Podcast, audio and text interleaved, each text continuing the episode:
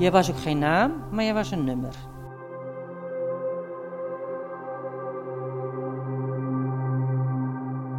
Het maakt niet uit. Hou die deur maar dicht. Ik hak je kop er toch wel af.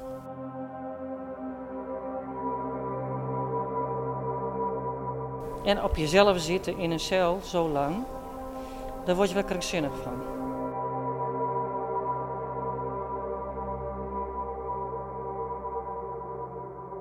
In 1870 werd in Nederland de doodstraf afgeschaft. De hoogste straf die je vanaf die tijd nog kon en nog steeds kunt krijgen, is levenslang. Een van de eerste die na de afschaffing van de doodstraf levenslang kreeg, was de Amsterdammer Johan Gaaientaan. Waarom werd hij tot levenslang veroordeeld? En hoe zag zijn leven er in de gevangenis uit? Johan Gaaientaan, soms ook wel Jan genoemd, wordt geboren in Amsterdam. Hij komt uit een rooms-katholiek gezin met zes kinderen. In 1839, Johan is nog maar 18 jaar, worden hij en een vriend opgepakt voor een inbraak in een huis. Johan krijgt er drie jaar tuchthuisstraf voor en hij moet de proceskosten betalen. Hij wordt geplaatst in het Huis van Correctie in Horen. Op een dag breekt er tussen twee mannen een ruzie uit. Johan bemoeit zich ermee. Hij trekt zijn klomp uit en geeft er een van de mannen een klap mee op zijn hoofd. De man valt op de grond. Hij overlijdt nog diezelfde dag. Johan krijgt bovenop de celstraf die hij al heeft 2,5 jaar cel bij.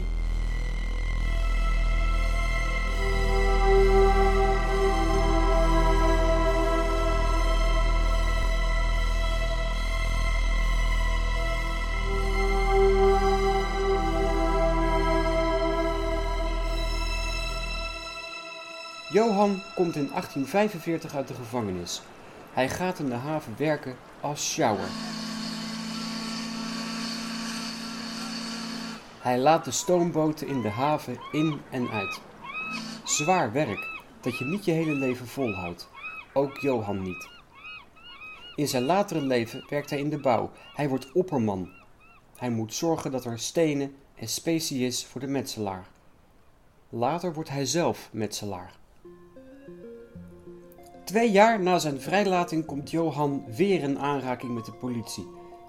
Hij wordt verdacht van diefstal van kaarsen en van drie broeken. Hij zou de broeken hebben willen doorverkopen nadat hij ze gestolen had, maar de rechter vond dat niet bewezen.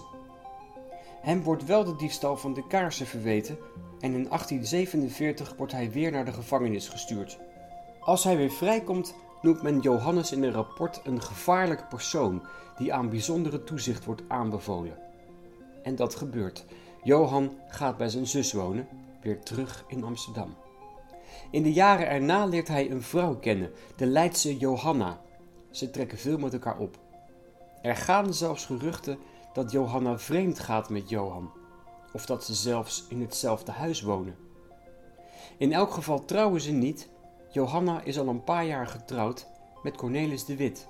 Maar Johan blijft ook niet lang bij Johanna. Hij gaat wonen in het logement De Halve Maan van de familie Schepers in het beruchte Amsterdamse buurtje Duvelshoek. Amsterdam heeft in het midden van de 19e eeuw vele logementen over de hele stad. In elke steeg van het Duvelshoek zitten er wel een paar. Reizende muzikanten, kunstenaars en laaggeschoolde arbeiders wonen en werken er tussen de tapperijen, logementen en bordelen in nauwe steegjes. De criminaliteit is er hoog. Families die er wonen blijven er generaties lang. Johan leert in Duvelshoek Marijtje van der Molen kennen. Ze woont met haar kind in hetzelfde logement als Johan. Maar eind december 1865 gaat het mis. Marijtje wil Johan niet meer zien. Ze loopt het binnenplaatsje op van het logement. Als Marijtje weer naar binnen loopt, heeft Johan een mes in zijn hand en hij steekt Marijtje verschillende keren. Een groep mensen rent op Johanna af om haar te helpen. Mannen pakken het mes van Johan af en hij wordt overmeesterd. Marijtje moet een maand in het ziekenhuis blijven, maar ze overleeft de aanval. Als Johan wordt opgepakt, toont hij geen berouw. Sterker nog, hij verklaart dat als hij weer vrijkomt, hij Marijtje zal opensnijden als een kabeljauw. Johan krijgt tien jaar tuchthuisstraf voor moedwillige doodslag en hij wordt overgebracht naar de gevangenis Blokhuis Poort in Leeuwarden, waar alle langgestraften van toen werden opgesloten. Sylvia Beers van Blokhuis Poort vertelt over het leven in de Leeuwardense gevangenis. Wij hadden hier gestraften die vijf jaar of langer kregen, tot levenslang. In de eerste vijf jaar dat ze hier vastkwamen te zitten, werden ze totaal afgezonderd in een eigen cel. Ze werden een eigen celarts toegewezen gekregen. Het principe, je moet de criminaliteit, de criminele besmetting, met een duur, duur woord, moet je eruit zien te krijgen. Dus die mensen werden totaal, om een cru te zeggen, afgebroken naar de nullijn, helemaal zuiver gemaakt. En dan kun je ze weer opbouwen om goed in een samenleving terecht te komen. Nou uh, heeft u hier een uh, klein maskertje liggen, een maskertje met twee gaten. Uh, waar werd die voor gebruikt? Als ze in hun cel, uit hun cel mochten, mochten ze ook niet herkend worden. Het was echt het principe, je moet totaal geïsoleerd zijn. Als ze uit hun cel kwamen, dan werden ze gemaskerd. En dat zijn dus net wat je zegt, twee gaatjes. Kregen ze voor en daarmee vertrokken ze naar uh, bijvoorbeeld dat ze uh, een half uurtje mochten luchten naar de luchtcel. Of ze moesten naar de kerk. Puur uh, niemand zijn. Mocht ook niet gepraat worden. Maar die kap die was dus echt om af te schermen de persoon die erachter zat. Je was ook geen naam, maar je was een nummer. Je had gevangeniskleding aan, niet je eigen kleding. Dus eigenlijk was je totaal onherkenbaar Inmiddels is Cornelis de Wit, de man van Johanna, overleden. Als Johan Gaaientaan vrijkomt, in 1875, keert hij vanuit Leeuwarden weer terug naar Amsterdam en ziet hij toevallig Johanna weer. De vriendschap bloeit weer op en later trekt Johan bij de weduwe in. En hij vindt weer werk als metselaar. Volgens afspraak betaalt hij 5 gulden per week voor het kleine kamertje in de eerste roze dwarsstraat in de Amsterdamse Jordaan. Het kamertje is klein en sober, maar voldoende om er te kunnen slapen. Af en toe leent Johan geld aan Johanna. Door de Rozengracht stroomt stinkend water, boten varen er doorheen. Het is september 1878. Een paar maanden later in de strenge winter van februari 1879 raakt Johan zonder werk. Hij kan de huur niet meer betalen. Intussen komt Johanna achter het criminele verleden van Johan. Van de inbraak, de diefstallen, de aanval met de klomp en de aanslag op Marijtje. Johanna heeft al die tijd van niets geweten. Nu begrijpt ze ook waarom zij Johan al die jaren niet meer heeft gezien. Hij zat gevangen. Heb jij gevangen gezeten? Hoe lang? Stoor je daar toch niet zo aan? Maar ik wil niet samenwonen met een moordenaar of een dief. Hoe lang heb jij gezeten? Ik wil weten hoe lang en waarom. Hou op, hou je bek. Maar ik wil weten... Hou je kop, ik snij je kop eraf, ja? Weg hier jij, oprotten. Maar de ruzie loopt volledig uit de hand. De politie moet Johan uit de kamer verwijderen. Hij is niet meer welkom in het huis. Maar een week later staat hij weer voor de deur van haar kamertje. Hij komt terug om zijn spullen op te halen en zijn geld. Die poet wie jij van mij hebt geleend, dat wil ik terug. Nee, die krijg je niet. Dat denk je wel niet. Dat geld dat heb jij nooit eerlijk verdiend. Dat heb je gestolen, geroofd. Houd je muil daarover, verdomme. Krijg de kaleren vel. Eruit, eruit jij. Wat? Nu. Verdomme, Waar? zal je krijgen? Zal je krijgen, velkring? Johan steekt Johanna twee keer in haar buik en één keer in haar hals. Johanna slaat een ruit in en roept naar buiten. In paniek stormt Johan het huis uit en hij gooit het mes de bevroren rozengracht op. Hij komt aan bij vrienden aan wie hij de aanval op Johanna bekent. Hij neemt een kop koffie en geeft zichzelf aan bij de politie. Hij wordt direct ingerekend. Intussen zijn omstanders en buren op het hulpgeroep afgekomen. Ze proberen het leven van Johanna te redden. Ze vinden haar op een stoel. Haar hoofd is achterover gevallen. Van onder haar rokken sijpelt bloed. Ook in haar hals zit een diepe snee. Johanna Dupré de Wit overlijdt tien dagen na de ruzie in het ziekenhuis aan haar verwondingen. Johanna werd 58 jaar. De dochter van Johanna en Cornelis staat nu alleen voor. Ze is pas 17.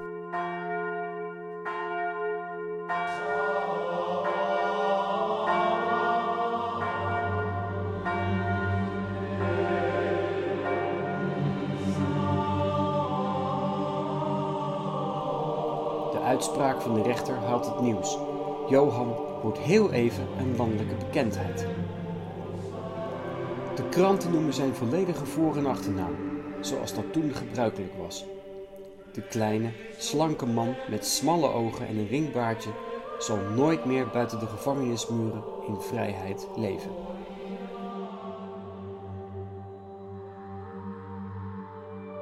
Er was in die periode een heel klein raampje en verder was het echt een hele donkere muur. Een donkere muur. Het was gewoon donker, ja. ja. De eh, er werd gestookt met kolen, dus er was een buis was, waardoor de cellen verwarmd werden. Een klein bed hier aan de zijkant, die ze ook konden klappen. Want het was niet een, een bed van tegenwoordig moet je denken, maar een, een opklapbed. Ze moesten via de regels hun deken opvouwen. Dat moest ook op een speciale manier gebeuren. Netjes erop leggen. En dan begon dus de dagwerk. Eh, en omdat je dus op je cel arbeid moest verrichten, moest je wel de ruimte hebben om te kunnen werken. Dus was de enige mogelijkheid dan het bed maar opklappen, aan de muur vastklemmen, zat een klem aan de muur. Daarop werd dus je dekentje neergezet en je kussentje, zodat je wat meer leefruimte had om je werk te doen. En ga maar aan de tafel zitten en uh, repareer horloges maar of de naaimachines of wat voor opdracht je van buiten dan ook kreeg. Sylvia Beers laat een cel zien waar Johan in gezeten zou kunnen hebben. Een van de vele rechthoekige hokjes achter een zware groene deur. Blokhuispoort bestaat uit meerdere vleugels met gangen en daar middenin een ijzeren open trap naar de verdieping erboven. Ook daar groene deuren op een rij. Het straalt orde en regelmaat uit. In de 19e eeuw mochten buiten de cellen de gevangenen geen woord zeggen, maar ook nu heerst er absolute Stilte. Toevallig hoor je een bewaarder nog op achtergrond. De deur ging open. De eerste gevangene mocht eruit, van deur naar deur. Ging de tweede cel open. Liet de bewaarder nummer twee eruit, met de kap voor. En dan ging hij achter de volgende. In Als een lang- stilte. Als een lange slinger in Als een lange slinger gingen ze dan. En dat, ja, dat was gewoon de dag, je dag. Zo ging dat el jaar in jaar uit, toen je hier zat. En op jezelf zitten in een cel zo lang, daar word je wel krankzinnig van. Waar ook velen dus ook als overkomen en naar krankzinnige gestichten werden overgebracht, omdat ze het leven op een cel in eenzaamheid niet aankonden. En de hygiënische voorschriften waren ook niet zo sterk als tegenwoordig. Medische zorg was ook niet optimaal. Er kwam ook heel veel TBC voor. Er zijn ook heel veel gedetineerden gestorven aan TBC. Maar of Johan ook inderdaad aan TBC is gestorven, is niet meer te achterhalen. Het staat wel vast dat Johan drie jaar na zijn laatste veroordeling overleed op vrijdag 26 augustus 1881 om half acht in de morgen. Hij stierf kinderloos. Van alle diefstallen en inbraken die Johan pleegde, is meestal een medepleger geregistreerd. Zijn omgeving, zoals gevangenissen en een beruchte buurt, en een agressieve houding maakten van Johan een recidieve delinquent, een draaideurcrimineel. Johan werd 60 jaar oud. Bijna de helft van zijn leven sleet hij in de gevangenis, waarvan 13 jaar in Blokhuispoort. Thank you.